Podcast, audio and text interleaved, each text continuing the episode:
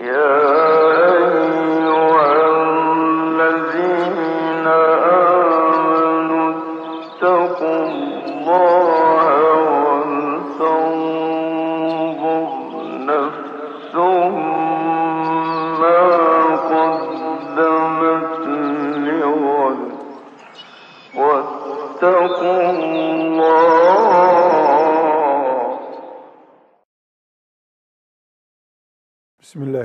Bismillahirrahmanirrahim. Elhamdülillahi Rabbil alemin. Ve sallallahu ve sellem ala seyyidina Muhammedin ve ala alihi ve sahbihi ecma'in.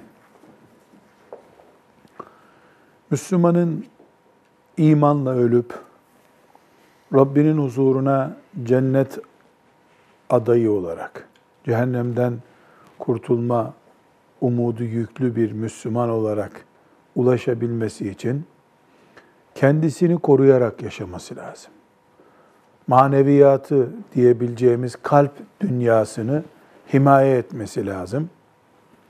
Bu şüphesiz Allah'ın bütün emirlerine ve bütün yasaklarına uymakla mümkündür. Genel kaide budur. Allah'ın emirlerine uyan, Allah'ın razı olacağı şekilde yaşayan böyle olur deriz. Ama bunun ayrıntılarına girdiğimizde Müslüman bir insan özellikle nelere dikkat etmesi gerekir ki iman ile ölüp Rabbinin huzuruna e, iyi bir mümin olarak çıkabilsin.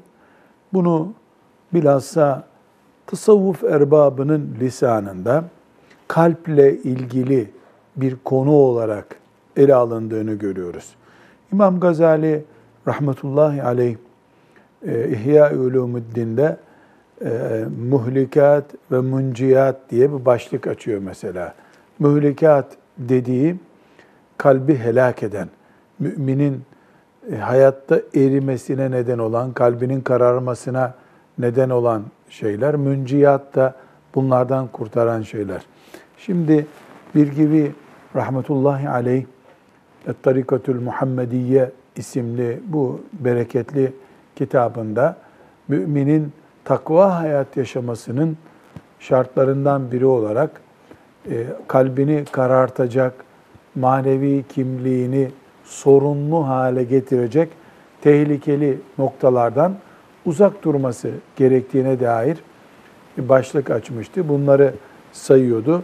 Bundan önce 9 e, madde saydı. Bu maddeler kalbin tehlikeli e, noktalarıdır. Bunlara karşı mümin dikkat etmelidir dedi. Şimdi bunlardan 10. olarak da emel emeli, emel dediğimiz şeyi bir tehlike ihtimali taşıyan sıkıntı olarak anlatacak. E, bu e, emel dediğimiz şey e, Türkçe'de ki emelim budur, arzum budur diye dediğimiz şeydir. Esasen bir insanın emellerinin olması, mesela e, fakir bir insanın İstanbul'da 10 katlı bir binam olur diye bir emel taşıması, çocuklarım çok zengin olsun diye bir emeli olması, ben bakan olurum, müdür olurum diye emeller taşıması esasen bir hata değildir. Ama bu bir açı gibi insanın zihninde açıldığı zaman ilerledikçe işte açı ilk açıldığında sıfıra çok yakın bir noktada duruyor. İlerledikçe çizgi büyüyor, büyüyor, büyüyor.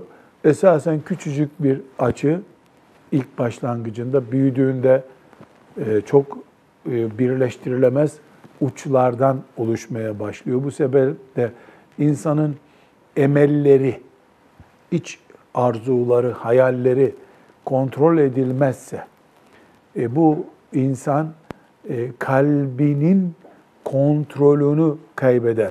Tıpkı yani otobanda giden bir aracın kontrolsüz bir şekilde sürat yapmasına benzer bu.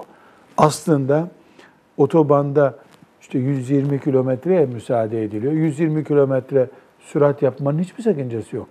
Ama sadece gaz pedalı var, e, fren pedalı yok arabanın. Ve sadece basıyor sürücü.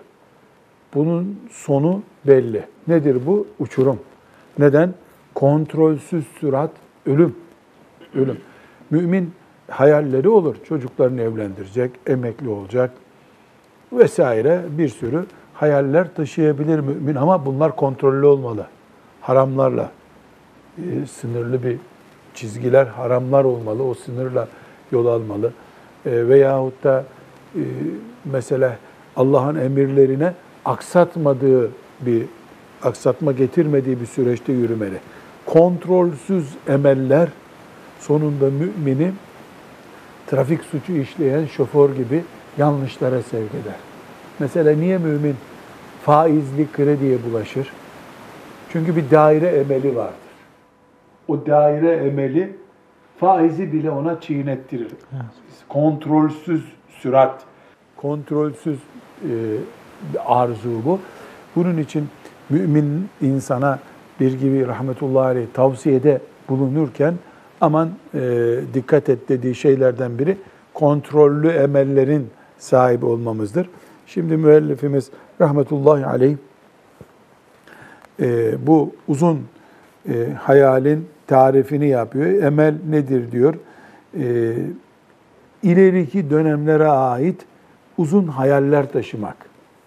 Yani kontrolsüz bir hayat taşımak. Bunun zararları nelerdir peki?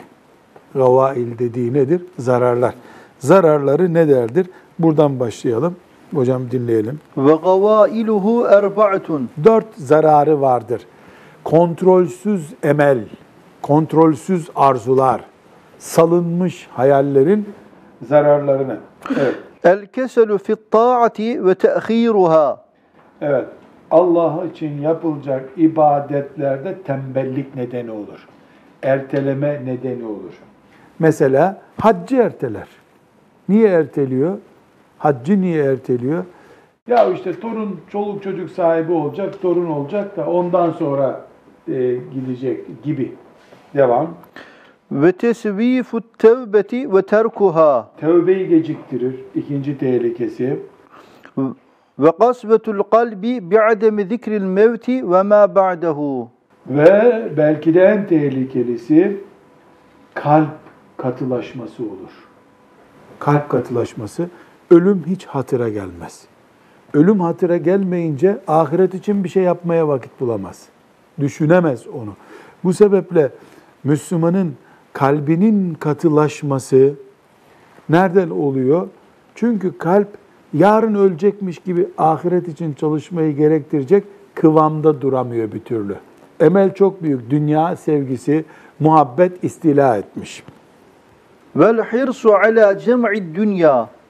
Vel iştigali bihi anil ahireti ve bir dünyalık toplama kampanyasına başlar. Dünyalık için toplanır. Ama burada çok önemli bir ayrıntıya temas etmemiz lazım. Tekrar vurguluyorum. Müslümanın torunlarının olmasını arzu etmesi, Müslümanın benim bir yazlığım olsun diye düşünmesi, Müslümanın ya bu siyasete gireyim de en büyük siyasi lider ben olayım düşünmesi, Müslümanın yani her sene bir ülkeyi gezeyim, seyahat imkanım olsun demesi, Müslümanın yani külliyetli bir param olsun demesi, bunlar esasen suç değil, yanlış değil. Bunların içinde boğulup gitmek tehlikeli. Bu boğulup gitme nasıl? İbadeti erteleyecek, tövbeyi erteleyecek, haramı helali bakmamaya başlayacak düzeyde kayı vermek dünyaya. Sorun buradan kaynaklanıyor. Peki bu nereden geliyor? Emel duygusu, insanların bu arzuları nereden geliyor? Ona bir işareti var müellifimizin. Ve sebebul emeli hubbud dünya vel gafleti an kurbil mevti vel igtiraru bis sıhhati ve şebabi. İnsanlar neden uzun emel sahibi olurlar? Bu otobanda hep gaza basıyorsun, hiç e, fren pedalına basmıyorsun.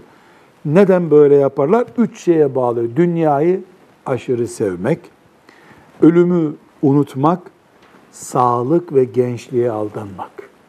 Sağlık hep var gibi, gençlik hep kalacakmış gibi düşünüyorsun. Ölümü unutuyorsun, bu da seni dünyanın kölesi yapıyor. Bunun için insanlar 220 aylık borçlara giriyorlar. 220 ay. Bu nedir? İnsanın 220 dakika ömrü belli olmayan bir dünyada 220 ay takside niye girilir? Neden? 220 ay sonra tapun olsa ne olacak, olmasa ne olacak? Sen zaten hastane köşelerinde olacaksın o zaman. Olsun, olsun. Ahiret gözünün önünde değil. E, Ölüm korkusu bir anlığına gidiyor. Sigorta, sağlık, e, ilaç bunlar ölümü kapattı zannediyor. Bunun bir tedavisi var mı? Evet. Ve emmel bevâki febil müdavemeti ala zikril mevti ve kurbihi ve meci'ihi bagteten ala gafletin ve enne sıhhate ve şebabe la yemna'uhu bel mevtu şebabi ekteru min mevti şuyuhi. Evet. Burada bir gerçeği hatırlayacak. Nedir hatırlaması gereken gerçek? Ölümlü bir dünyadayız. Ölümlü dünya gerçeğini unutturan neyse onun açısından ticaretse ticaret, gençlikse gençlik, sağlıksa sağlık. Herkesin meşguliyeti olan bir şey var. Mesela babası e, siyasetçi olan, babası zengin olan, babasının forsu olan birisinin e, dalgınlık nedeni nedir? Babadan gelen o fors. O orayı tedavi etmeli. Ahireti unutturma nedeni olmaması için çalışması gerekiyor. Öbürününki nedir? Sesi güzeldir mesela. Mesela çok enteresan e, bir gün e, kalabalık bir konferansta birisi soru sordu. E, Benim konferanstan önce güzel bir sesi olan hafız Kur'an okumuştu. Dedi ki hoca efendi bu anlattığınız İslamiyet'i sesi güzel hafızlarda niye görmüyoruz biz hiç dedi. Hiç cevap veremedim. Dondum kaldım. El hak e, eskiden beri bir sorundur bu. Halbuki Kur'an'dan en önce hafızların etkilenmesi lazım. Sesi güzel olan hafızın daha fazla etkilenmesi lazım. Çünkü başkaları etkileniyor, tövbe edip namaza başlıyor. E sen onu okuyorsun, aşırı okuduktan sonra namaza gitmiyorsun mesela. Yani hafızlar böyledir diye değil ama o Müslümanın dikkatini çekmiş bu demek ki. İzah ettim ben yani bu her şeyin bir fitnesi var. Sesi güzel olunca da şeytan onunla daha fazla ilgileniyor. Babam Allah selamet versin. Elinden yüzlerce hafız yetiştirdi. Sesi güzel oldu mu bir çocuğun onu böyle e, sanki hiçbir değeri yokmuş gibi tutardı. Bir gün dedim ki ya bu çocuk Kur'an okurken ağlıyorsun dedim. Talebelerinden biri için. Abdüssamed'in kopyasıydı çocuk. Sonra bozuldu sesi de. Yani 15 yaşlarındayken Abdülbasit Abdüssamed Kur'an okuyor zannediyor. Onu da taklit ediyordu. Dedi ki şeytana bari ben yardım etmeyeyim onun için dedi. E bunu bir kenara not et. Bari şeytana ben yardım etmeyeyim dedi. Yani şeytan bunu sesin güzel diye aldatıyor sürekli. Ayağına karpuz kabuğu koyuyor derler ya kaysın diye. Bir de sen ah oğlum çok güzel maşallah filan dedin mi o şeytan onu biraz daha yağlıyor. E sonunda Kur'an-ı Kerim'den en çok onun istifade etmesi lazım. Kur'an'ın en çok ona tesir etmesi lazım. Tam aksi oluyor diye düşün. Burada demek ki herkesin bir fitnesi var. O fitne noktan neyse oradan kendini ayarlayacaksın. Efendimiz sallallahu aleyhi ve sellemin hadis-i şerifini Hoca Efendi burada almış. Evet, İbn Mace'nin rivayet ettiği meşhur hadis-i şerif. Kâle Resulullah sallallahu aleyhi ve sellem Ektiru min zikril mevti fe innehu yumahhisuz zunube ve yüzehhidu fid dünya. Ölümü çokça anın, ölümü çokça anın. Çünkü o günahları temizler, dünyaya tenezzülü azaltır. Dünyaya tenezzülü azaltır. Meşhur hadis-i şerif mesela e, çok meşhur. E, lezzetleri bölen ölümü çok hatırlayın. Eksiru zikra hadimil lezzat. Yani ölümü hazimil lezzat ne demek? Zevkleri parçalayan, zevkleri parçalayan. Yani çok güzel bir muhabbet ortamında telefon çalıyor. Senin en çok sevdiklerinden birisinin ölüm haberi veriliyor. Toplantı bitiyor, yemekler yarım kalıyor. Ya bitirelim bu sofrayı da e, yemeğe gideriz diyebiliyor mu kimse? Ki, kimse bir şey diyemiyor. Sofrayı bitirmek yok artık, yemek yok. bölüyor. Bütün lezzetleri bölüyor. Ee, burada e, çok net bir şekilde anlaşılıyor ki Müslümanın kalbinde tuğlu emel denen yani uzun hayaller, uçsuz bucaksız projeler, çocukların yaptığı hayaller gibi hayaller kuran büyük yaşlı adamların e, bu durumu e, esasen ahirete gidişi zorlaştırıyor. Dünya cazip hale geliyor. Dünya cazip hale gelince aslında bir değeri olmayan dünya çok değerli olan cennetin yerini alıyor o insanın gözünde. O bunu fark edemiyor tabii. Peki ne oluyor o zaman? Sabah namazına kalkmamak onun için bir sorun olmuyor. Sonra kılarız düşünüyor. E allah Teala e, mesela anneye babaya asi olan evlada azap edeceğim diyor. Cennete girmesi zor diyor.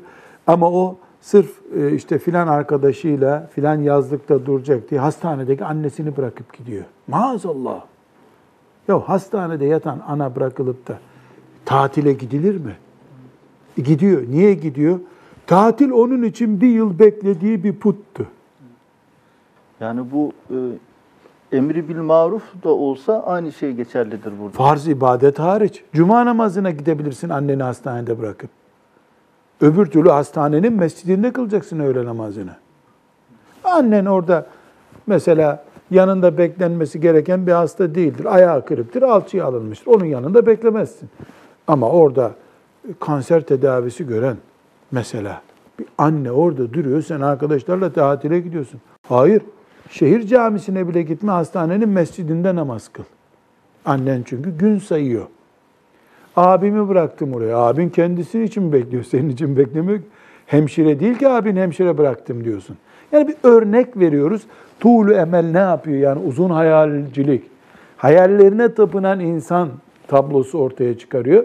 Bu da ne yapıyor? Allahu Teala katında müminin mahcup olacağı bir duruma düşürüyor. Ee, İmam bir gibi rahmetullahi aleyh bunu kalp afetlerinden biri olarak karşımıza çıkarıyor. Bir başka 11. kalp afeti de tamahkarlıktır. Tamah da tehlikeli bir hastalıktır. Tamah e, bir tür o da e, yani bu e, emel emele benzer bir şey. Çok uzun hayaller peşinde olmak.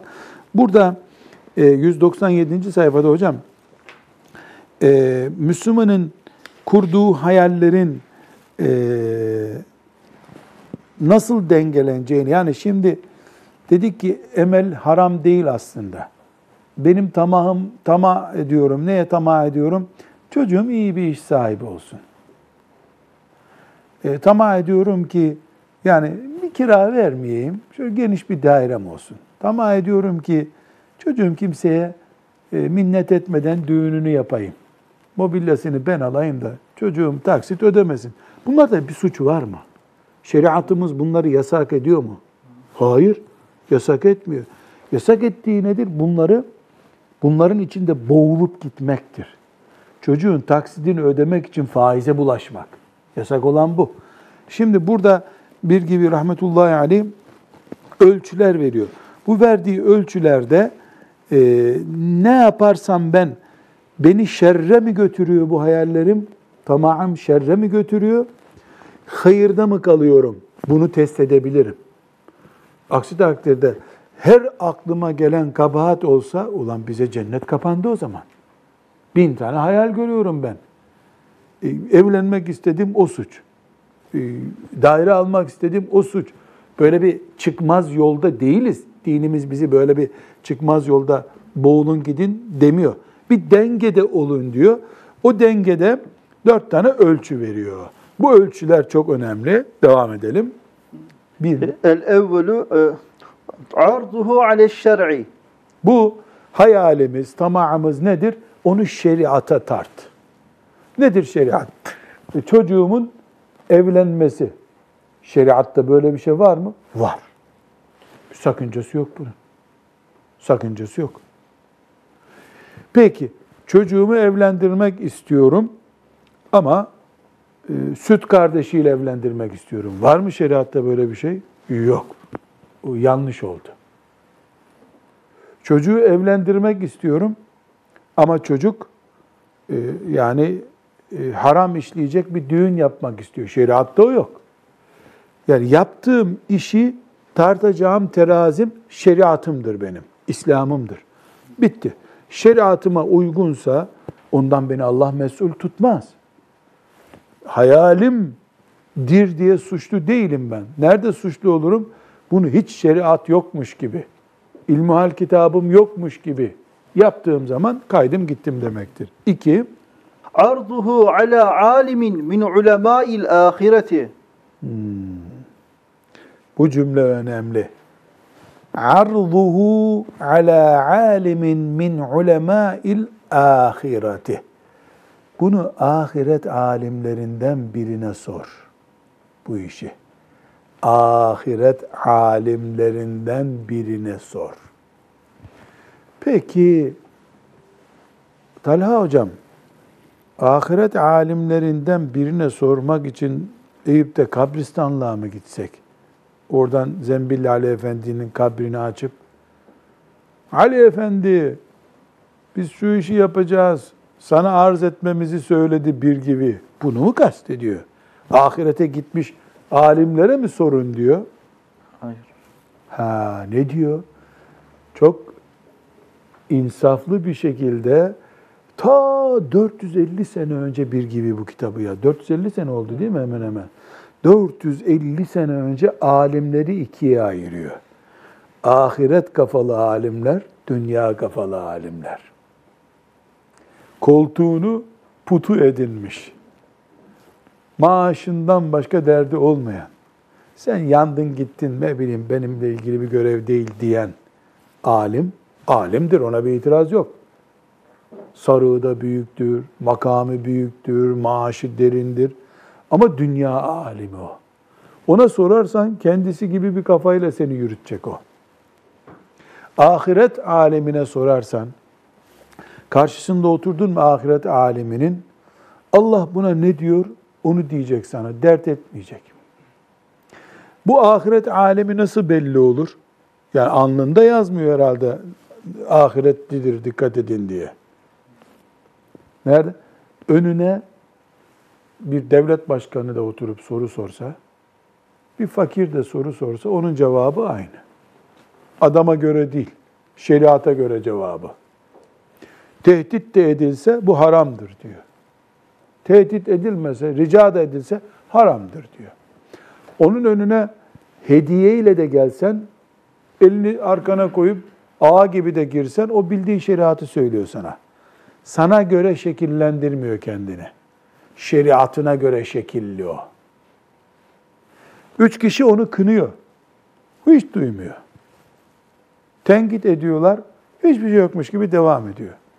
Taltif ediyorlar, yağ yakıyorlar. Maşallah nasıl diyor, onu da duymuyor. Çünkü duyduğu tek şey var. allah Teala'nın şeriatıdır o. Ahiret alimi. İmam Gazali bir gibiden de önce yaşayan, bir 400 senelik aralarında daha da fazla zaman var. Gazali bile, bu deyim zaten Gazali'ye ait. Ahiret alimi ifadesi İhya-i Ulumuddin'in ilk e, girişindeki ilim babına ait bir kavramdır. İmam Şafii için o ahiret alemiydi. Bizimkiler makam alemi diyor. Bunu makam alemi dediği İmam Şafii'den 3 asır sonrası için söylüyor. Bizimkiler makam alemi, dünya alimleri bizimkiler diyor. Koca koca ilimleri var ama diyor, takva yok, ahiret için çalışmıyor. E, İmam Şafii rahmetullahi aleyh, Ahmet bin Hanbel ahiret alemiydi. Ahmet bin Hanbel'in başına dünya yıkıldı, bir kelime değiştirmedi aklından. İmam Ebu Hanife rahmetullahi aleyh, ahiretin tam ortasından bir alim. Yani e, kaç yaşında vefat etti Ahmet İmam Ebu Hanife? Ebu Hanife 70 yaşında. Tam Seks- 70 yok 70 80, yaşında vefat 80'de Doğdu 150'de vefat 150'de etti. kaç 70 ediyor? yaşında. 70 yaşında. Kaç kaç yaşında hapse girdi? 69 yaşında. 69 yaşında zindana girip her gün kırbaçlandı ama aslında kuruluşuna katkıda bulunduğu bir devletti Abbasi devleti. Kuruluşuna katkıda bulundu. Şeriata aykırısınız dedi. Resmi görev kabul etmedi. E, bir alim de var. Beni bu göreve alın diye atmadığı takla kalmıyor. E, Ebu Hanife Ahiretin tam ortasından. Buhbuhatul cennet denen yerden gelmiş tam. Yani mantık olarak. Bu sebeple ahiret alimine sor. Şimdi e, dün bir arkadaş bir mesele anlattı. E, dedi ki bir arkadaş bize bir mesele sordu. Biz de ona dedik ki bu meseleyi Nurattin Hoca'ya sor fetva meclisinde. Bu onun daha iyi anladığı bir meseledir. Bağırmış bunlara. Zaten o yok dediği için size geldim. Niye ona beni onu gönderiyorsunuz demiş. O yok dediği için size geldim. Ha, ne arıyor bu adam? Onun zevkine evet diyecek birini arıyor. E, bu fetva aramıyor ki. Rüşvet arıyor. E, kendisiyle beraber ahirette yanacak birisini arıyor. E, niye alim seni yaksın? Bu ifade çok önemli. Bunun altını çizmeli. Hangi hoca efendiye soralım bunu? Ahiret hocasına sor. Hocanın dünyalığı olur mu? Keşke olmasaydı. Keşke olmasaydı. Peki ben onu ahiret alemi zannettim, sordum. Yap dedi. O da yanılmış. Vallahu gafurur rahim. Hiç dert yok. Allah gafurur rahim. E, iştihatlıysa o hata. Ebu Hanife diyelim ki yaptığı bir iştihatlardan bir tanesinde yanıldı. allah Teala la eseluhu. Hatta hata ettiği, ettiğine rağmen ona ecir yazıyor allah Teala. Niye? Bir derdi yok. Bunu bir ücret karşılığı yapmıyor, force istemiyor, yağcılık istemiyor. Derdi Allah. Allah gafurur rahim. Hep içkicilere mi mağfiret edecek Allah? Müştehidi daha önce mağfiret edecek. Müştehit onun dini için çalışıyor. Demek ki şeriata ölç, emel ve tama'in bir bela mıdır başına değil midir? Şeriatı ölç, ahiret alimine sor. Ahiret alimine sor. Burada bir cümlesi daha var. Ee, çok hoşuma gidiyor. Ee, bir de min mürşidin kamilin in vücide. Bir mürşidi kamil eğer bulunursa sor diyor. Demek ki 450 sene önce bir gibinin zamanında böyle bir eksiklik varmış. Şimdi bol elhamdülillah diyelim. Her yer mürşidi kamil şimdi. Bir gibinin zamanında Kanuni'nin Viyana fethine gittiği günler o günler değil mi? Evet. O günlerde mürşidi kamil sorunu varmış hilafet devletinde. Kanuni'nin şeriat adına hükmettiği dönemde Zembil Ali Efendi'nin e, şeriat fetvası yazdığı dönemde mürşidi kamil in vücide demek ne demek oluyor? Ne demek in vücide? Eğer bulunursa. Bulunursa. Demek ki öyle bir bolluk yok ortada. E, ama e, iddia eden, mürşidi kamilim diyen, e, onu zaten olan öyle demez. E, ama gerçekten varsa mürşidi kamil ne demek yani? Kendini Allah'a adamış bir Allah dostu insan demek. Bir, bir tür alim demek yani. Ümmeti adına çalışan insan demek. Evet, üçüncüsü, neyin üçüncüsü? Ya bu hayallerim benim başıma bela mıdır? Yoksa gerçekten hayırlı mıdır? Bir tür istihare yapar gibi. Yani bunu test et. Nasıl test et diyor? Şeriatı ölç ve e, Allahu Teala'nın alim kullarına sor. Doğru mudur diye. Üçüncüsü arduhu ale salihin. Ha. Üçüncüsü de salihlere oranla bunu. Bak Ebu Bekir Sıddık radıyallahu anh'ın yaptıklarına benziyor mu? Bak İmam Nevevi'nin yaptıklarına benziyor mu? Bak Akşemseddin'in Sultan Fatih ile ilişkisine benziyor mu senin hoca danışmanlığın bu siyasetçiye? Bir bak. Yani salihler dediğimiz mümin olduğundan, Allah için yaşadığından şüphemiz olmayan Allah'ın dostları, dost kulları. Bak onların hayatına benziyor mu? Sen mesela çocuğunu şeriattan taviz vereceğini bile bile, başını açacağını, orada erkeklerle oturacağını, yanlış yapacağını bile bile uyduruk bir fakülteye gönderdin kızını. Ya niye böyle yaptın? Bizim İmam Efendi de gönderdi kızını aynı fakülteye. Ya İmam Efendi bu ümmetin sulahasından mı? Memur sen namaz kıldırma memurunu örnek almışsın. İskilipli Atıf kızını gönderdi mi? Ona ölç. Yani fedakarlığıyla o ölmüş, gitmiş, o 30 sene, 40 sene olmuş insanlar onu hala hayırla yad ediyorlar. Salih insan odur. Yaşayan adamın salih mi, fasık mı olduğu nereden belli olacak daha? Torbası dolmamış onun. Torba dolup kapanmamış. Ne topladığı belli değil onun. Ölür, üzerinden asırlar geçer. Ee, ümmeti Muhammed'in fazıl insanlarından olduğu ortaya çıkar. Eh ona kıyas et bakalım. Salihlerle oranlama yapıyoruz. Şeriata vuruyoruz, alime soruyoruz, salihlerle oranlama yapıyoruz. Arduhu alen nefsi vel heva. Heh, dördüncü asıl ölçü. Öbürlerini bulamadın, alim bulamadın. Salih adam bulamadın. Şeriata, fıkıh kitaplarına vakıf değilsin. Yanında ilmihal yok. Zevklerine bak o zaman diyor. Keyfine bak. Bu senin zevkine mi uyuyor? Yoksa zorunluluk mudur? Mesela kızını gönderdin fakülteye. Niye? E diyecekler ki kızını okutmadı. Hah, sen diyecekler ve keyif meselesiyle bunu yaptın demek ki.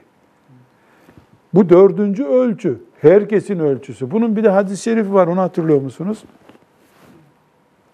Yani e, if- istefti kalbeke eftakel muftun. Muftun sana olur dese de hocalar sen bir de kalbine sor diyor Efendimiz sallallahu aleyhi ve sellem. Kalbine sor bakalım.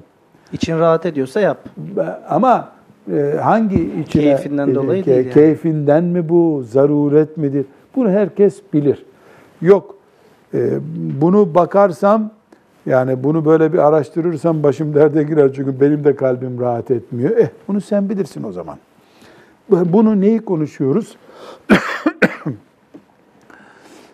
E, şimdi burada e, Müslüman bir insan hayalleriyle günaha girmez. Çok şey tamah etmesiyle günaha girmez. Kontrolden çıkmakla günaha girer. Bu kontrolden çıkmayı önlemenin dört yolunu söyledi bize. Sonra bu konuya uygundur diye hocam burada hiyelu şeytani ve muhadaatihi fit taati. İnsanı ibadetten alıkoyarken şeytanın taktiği nasıldır ve ne yapmamız lazım? Bunu bize öğretmeye çalışıyor. Ee, bunu okuyalım hocam. Şeytan nasıl bir e, bir proje üretiyor? Mesela ne yapıyor da ya biliyoruz da bu babamızla uğraştı bu melunda. Lanetullahi aleyh şeytan. Bu uğraştı. Babamı aldattı, dedemi aldattı, öbür dedemi aldattı, amcamı aldattı, dayımı aldattı, bizim köyü aldattı, bizim kasabayı aldattı. Yahu bir 10 bin senedir insanlık dünyada var tahmin ediyoruz. 10 bin senedir hep aldatıyor, hep de başarıyor ne hikmetse. E bari biz akıllanalım şimdi ya. İnsanoğlu deprem göre göre depreme karşı dayanıklı ev yapmaya başladı. E şeytanı göre göre niye şeytana dayanıklı Müslümanlık oluşturmayalım biz? Müslümanlığımızı şeytana dayanıklı Müslümanlık haline getirelim. Bunu bir gibi rahmetullahi aleyh şeytan projeleri üzerinde birkaç madde sayıyor. Özetle bunları okuyalım hocam. Evveluha en yenhahu anha. Ha, şeytanın ilk işi ibadet yapma. Müslümanlığını öne çıkarma. İlk hamlesi budur şeytanın. Bunu yapmaya çalışır. Eğer becerirse battın zaten. Bırak namazı sen daha gençsin dedi. Sen de fark edemeden tamam dedin. Bir şeytan öne geçti. Ondan sonra sen onun peşinden, o önden artık. Ama olmadı. Vay mel'un sen bana nasıl ibadet yapma dersin. Dedin fiiliyatınla tabii. Şeytan kimseyle böyle konuşmuyor. Baktı ki şeytanla bu sağlam kaya çıktı. Bu sefer ne yapıyor? Sümme ye'muruhu bit tesvifi. Sonra erteleme hastalığını sana aşılamaya çalışıyor. Sonra, sonra. Sonra diye kutsal bir kelime çıkarıyor senin. Sonra. Acele etme. Acele etmeyeceksin. Şöyle otura otura yaparsın bu işi diyor. Şöyle şimdi çok sıkışık sonra rahat kılarsın. 3 saat var diye rahat kılarsın diye seni erteliyor. Sonra 2 saat rahat kılarsın. 1 saat kaldı rahat kılarsın. 20 dakika kaldı rahat kılarsın. E 5 dakika kaldı nasıl öğleyi rahat kılacaksın? Battı öyle. Önce ne demişti? Sen öyle kılma demişti ne kılmamasıyla yemeğini yedim öğleninde namazını nasıl kılmam desen o mağlup oluyor. Ha sonra kılarız dedin mi o öne geçiyor. O sonrayı da becerip oynatıyor.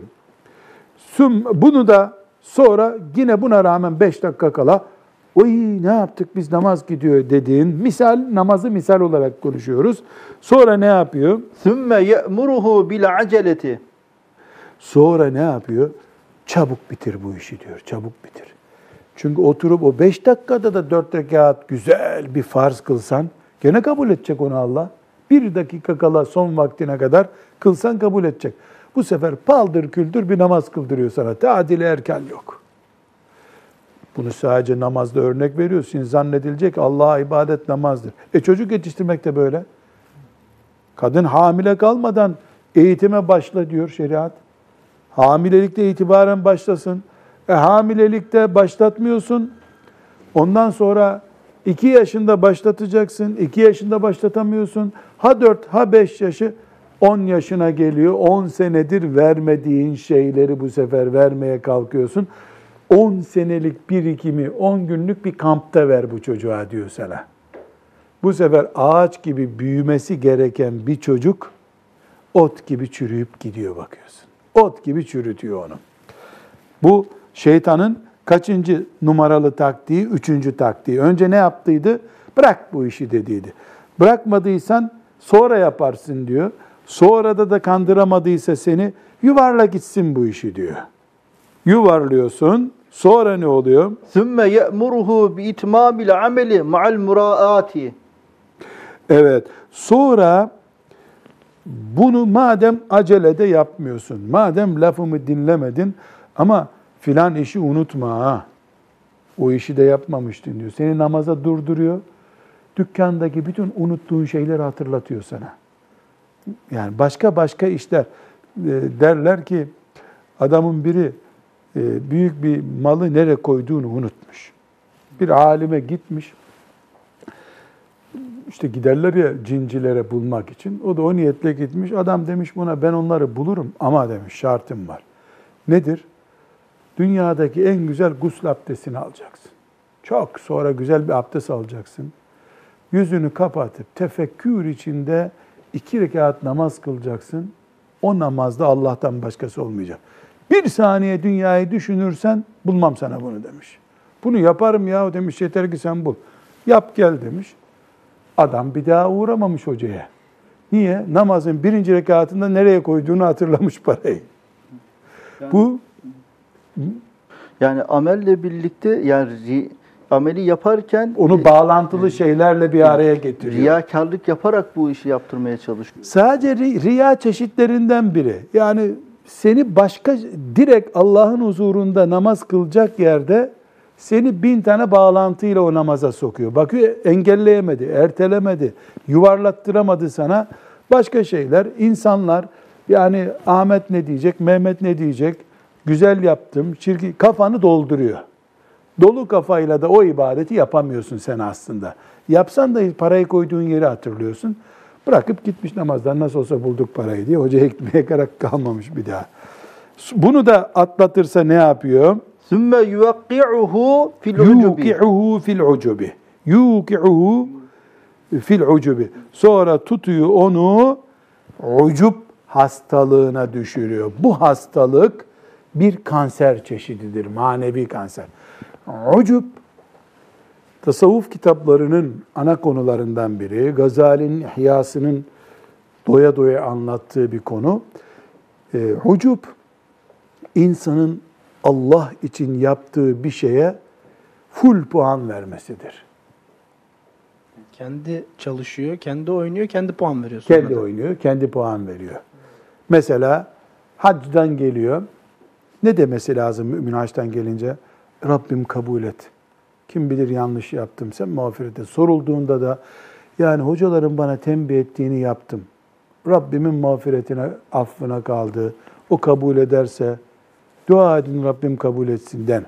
Ama bir de düşün geliyor diyor ki bir hac yaptık ki eh be, eh be. Hac, hac, hac. Araplar hac görsün be. Hele o Endonezyalılar var ya, onlara göre biz beş haç yaptık sayılır. Be be. Kaymak tarif ediyor zannedersin.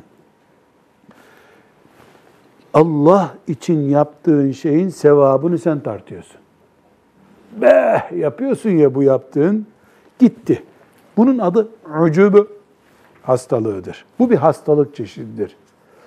Mümin ee, bu namazdan sonra bir çay hak ettik. Getirin bir çayla caminin önünde. Ne? Bu namazdan sonra bir çay içilir artık.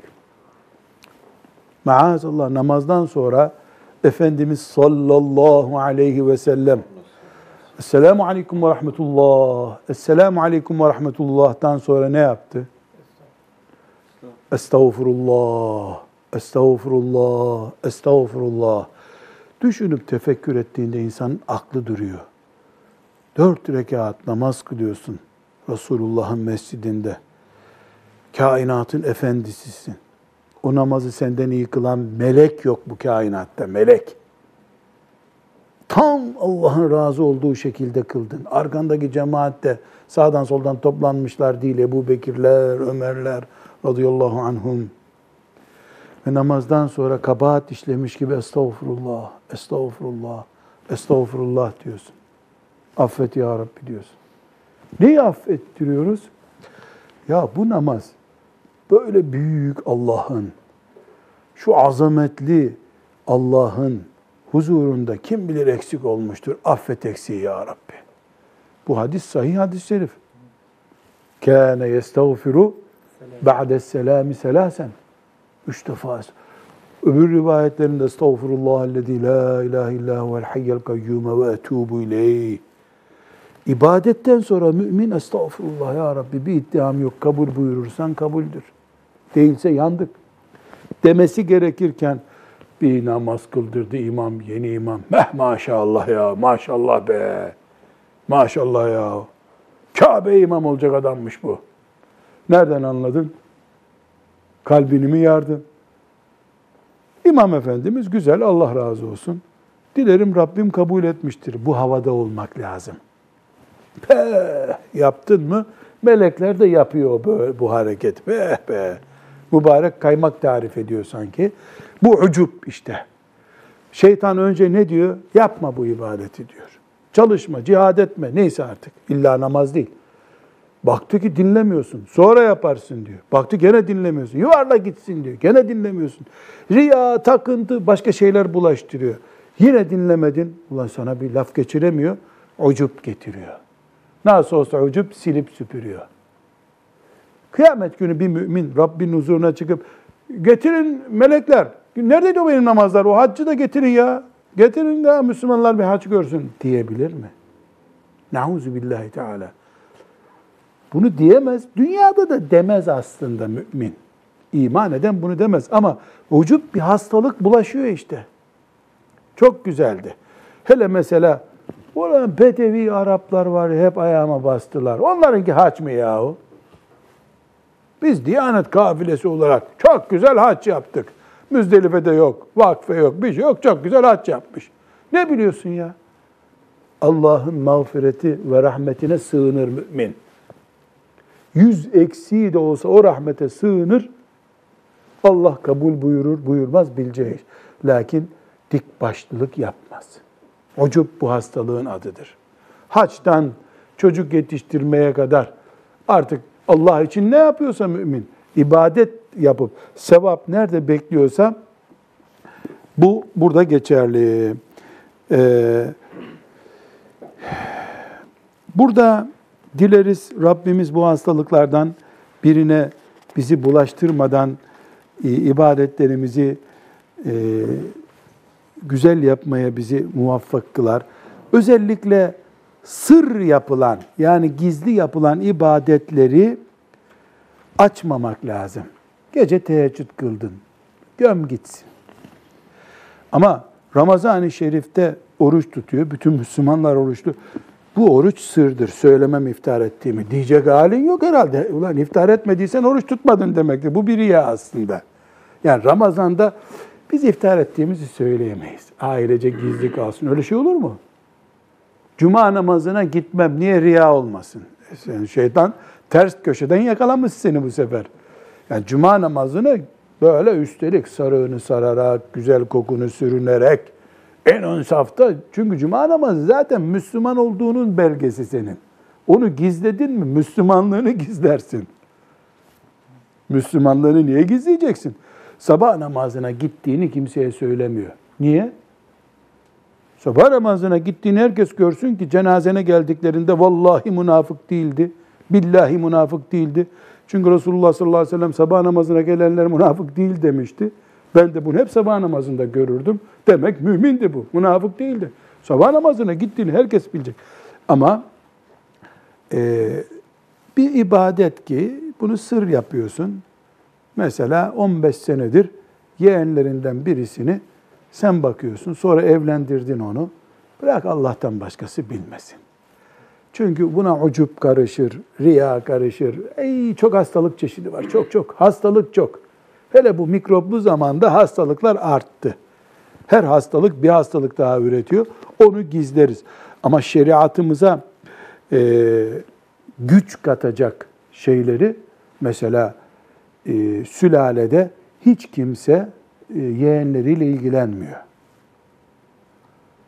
E bu ne rezilliktir ya. Allahu Teala fakirlerle ilgilenin diyor. Laf söylüyorsun dinlemiyorlar. Hasan Hoca da yeğenlerimden birini evlat gibi alıp bakayım ben dedi. Ondan sonra bunu da kalktı söyledi. Bu yeğenime sahip çıkıyorum haberiniz olsun dedi. Allah da biliyor ki bunun derdi kendini reklamı değil.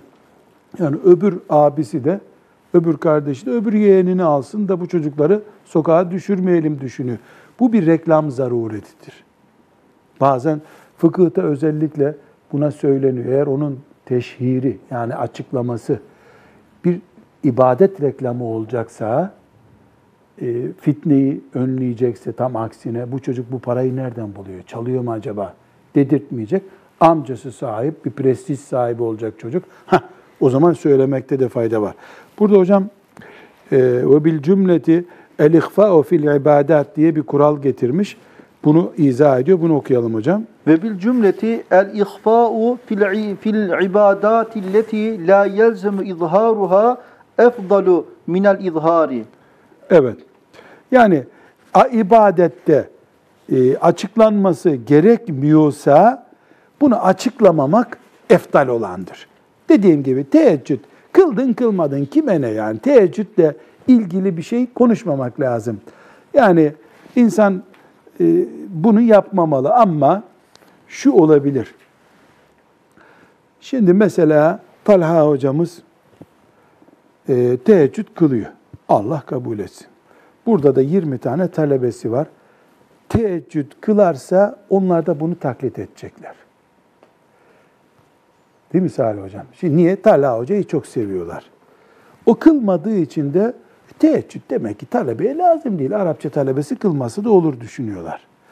Ara sıra Talha Hoca'nın çocuklar bugün dersi kısa tutalım, teheccüd beni yoruyor biraz deyip yani siz de kılın demesi eğer bu arada şeytan he çocuklar İmam Gazali ile ölçmeye başlayacak seni şimdi anlayacaklar ki bu asırda Gazali sensin demiyorsa kalbine onu bu noktadan yakalamıyorsa bu bir eğitim çeşidi. Çünkü talebeler nasıl olsa nafilede ilgilenmeyecekler onlar. Ama hocaları kaçırmıyor görürse taklit edecekler onu. Böylece onlar da bir sünneti ihya edecekler. Burada bir pozisyon kollaması olur.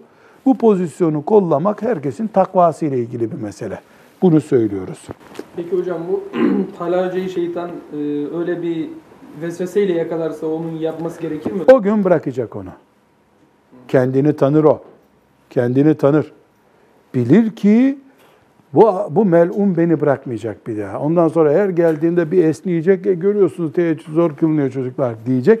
O zaman yok öyle bir şey. Sanki teheccüdle ilgisi yokmuş gibi söylemez. Çünkü onlara eğitim vermesi ikinci konu. Asıl konu Allah'ın huzurunda kendisini kurtarmak. O nafile kendini cehennemden kurtarman farz. Devam edelim hocam. İlla inde teyakkuni bi sıdkı ta'limi vel iktidai.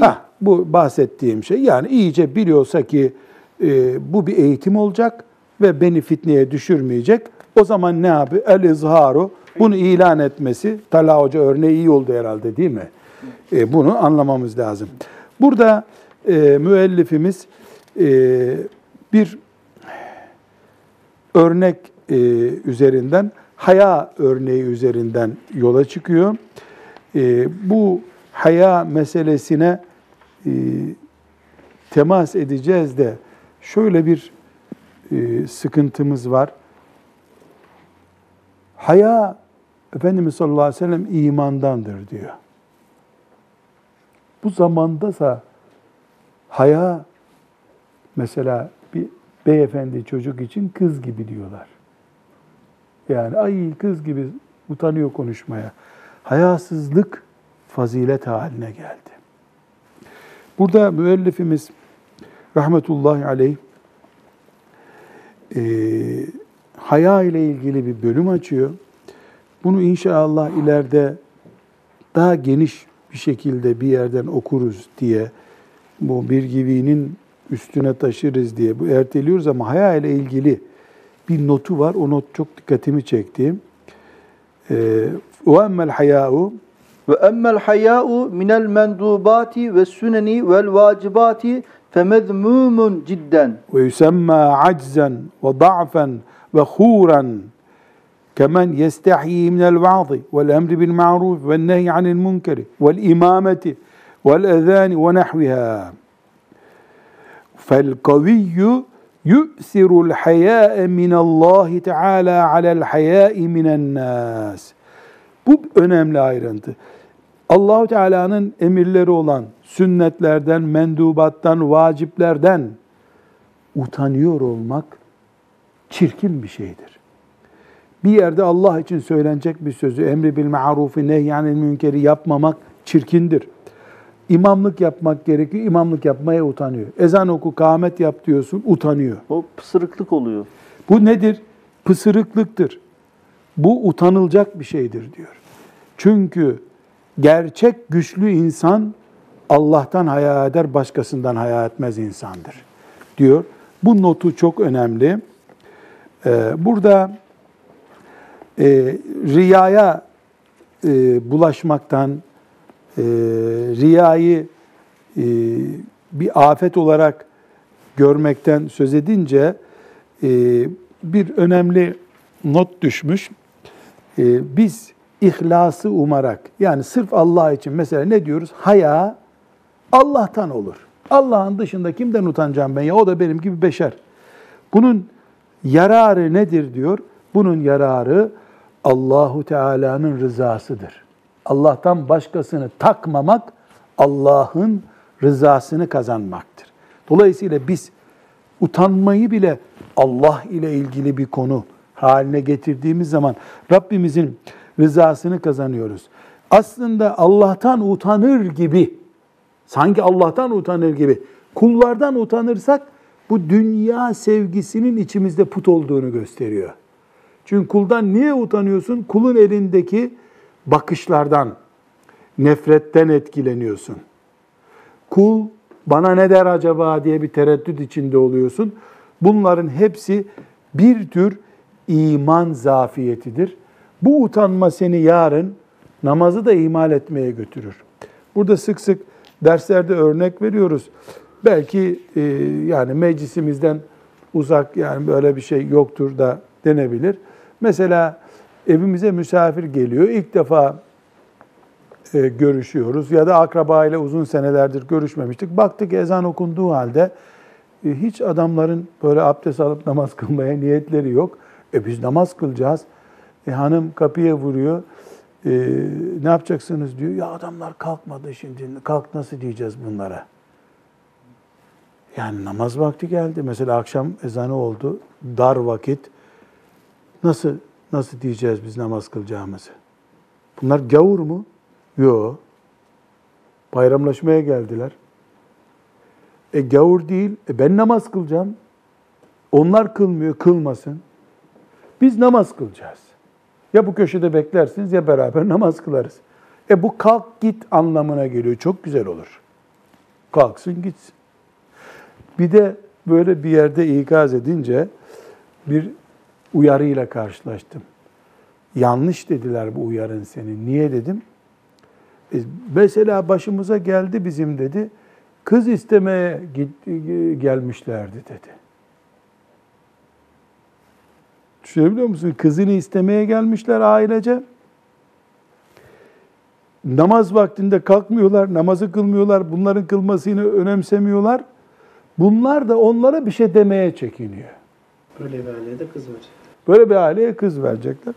Dedim haklısınız. Size söyleyecek bir sözüm yok. Dedim kusura bakmayın. Selamun aleyküm. Rabbim e, bizi Kur'an ehli yaptı. Elhamdülillah Kur'an'a iman eden kullarından olduk. Hakkını vermek diye bir derdimiz olsun inşallah. Rabbim lütfetsin, ihsan etsin. Şimdi bir başka kalp hastalığı kibre geldik. Dileriz onu anlayacak şekilde okuruz. Ve sallallahu ve sellem ala seyyidina Muhammed ve ala alihi ve sahbihi ecma'in. Velhamdülillahi Rabbil alemin. يا